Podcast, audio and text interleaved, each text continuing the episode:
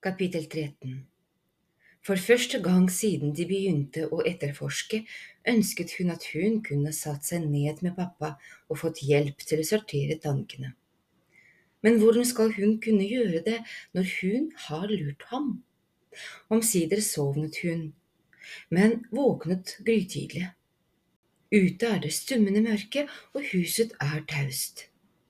Ikke et eneste knirk noe som pussig nok sørger for at hun føler seg enda mer våken. Hun trer på seg ullsokker, skvetter da trappa knirker på det samme trinnet som i går, og løper det siste stykket på tærne for ikke å vekke de som sover. Kjøkkenet er kaldt, den store kaminen er mørk, veden ligger stablet i en diger kurv og fyrstikkene ved siden av. Det ville gjort seg med litt varme, for her kan hun ikke være lenge uten å bli hvit på fingrene. Kanskje hun kan greie å fyre opp. Hun åpner ovnsdøra og legger inn noen kubber. River av et par sider i en gammel avis som er lagt for opptenning, og krøller dem hardt sammen. Og stikker dem inn under kubbene. Deretter river hun av en fyrstikk, og øyeblikket etter tar flammene tak i avisene. Hun setter døra på gløtt, slik at hun har observert at Søs gjør. Sjalet til Søs ligger i gyngestolen, og hun pakker det rundt seg. Da kommer hun til å tenke på bildene. Det kan jo ikke være feil om jeg ser på dem her nede i kjøkkenet. Hun klatrer opp på en stol og strekker hånda opp på toppen av kjøleskapet der hun så at Søs la dem. Posen er der ennå, og hun setter seg i gyngestolen og åpner forsiktig. Bildene til Søs er i sort-hvit, og noen av dem er så gamle at de har fått et rosa skjær i den blanke overflaten. Og personene på bildet er i ferd med å blekne. Kanskje det er derfor hun passer så godt på, fordi fortiden er i ferd med å forsvinne. På et av bildene som de ikke snakket om forrige gang, står Søs tett inntil en mann, Adolfo, sto det på baksiden, skrevet med sirlig håndskrift etterfulgt av et hjerte.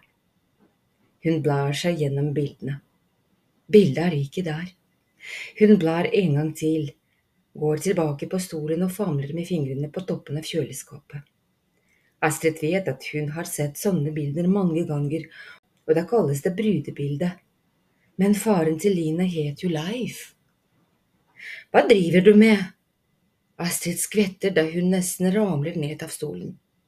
Farmor har kommet inn i kjøkkenet uten at hun merker det, og nå ser hun så inngående på Astrid at Astrid får lyst til å løpe forbi, opp trappen og gjemme seg under dyna. Kanskje låse døra også, sånn for sikkerhets skyld. Jeg bare leter etter et bilde, sier Astrid og føler seg sinnssykt skyldig, enda hun ikke egentlig tror at hun har gjort noe veldig galt.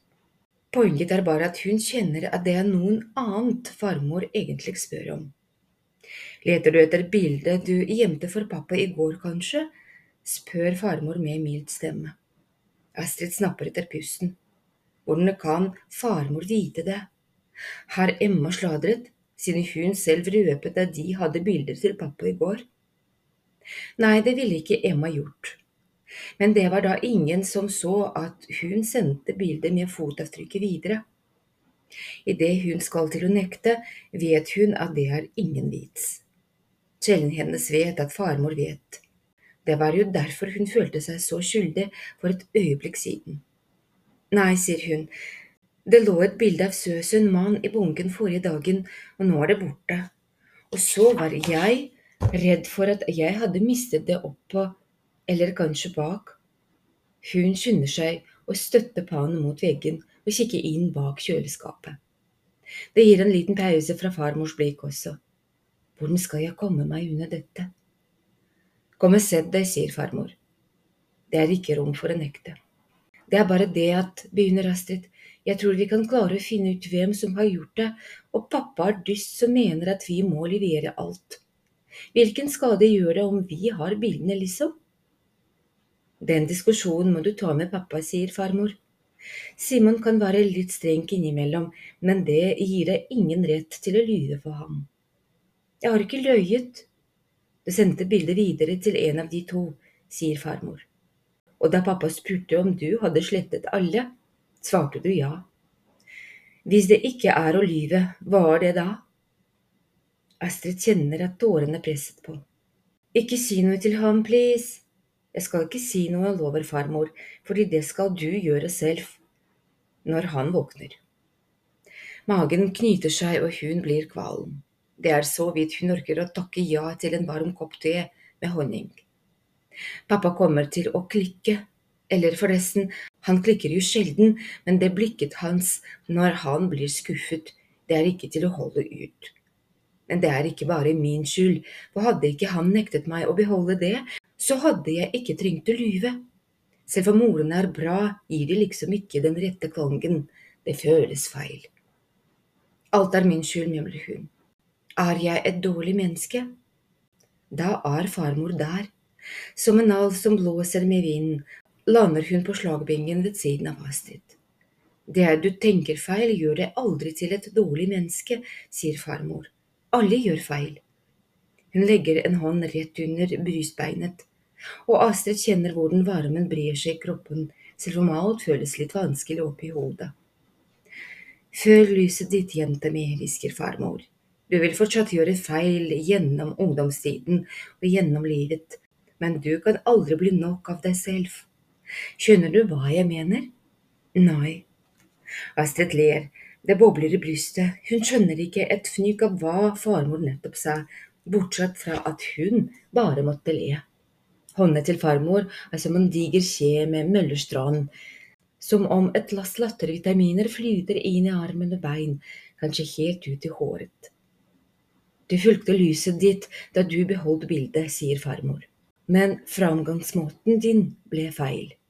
Snakk med pappa, fortell ham hva som er viktig for deg. Må jeg gjøre det med en gang han står opp? Nå er det farmor som ler. Før Yusuf kommer, sier hun, Avtale. Like etter står Søs i døra. Astrid ser på bildene, som ligger i gyngestolen oppå kjærlighet hun la fra seg da hun klatret opp for å lede etter det savnede bildet.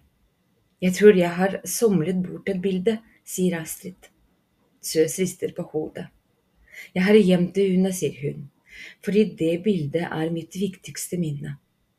Nå har jeg bare det igjen og jeg var redd for at hvis dere barna henter ned bildene, så kunne det bli ødelagt.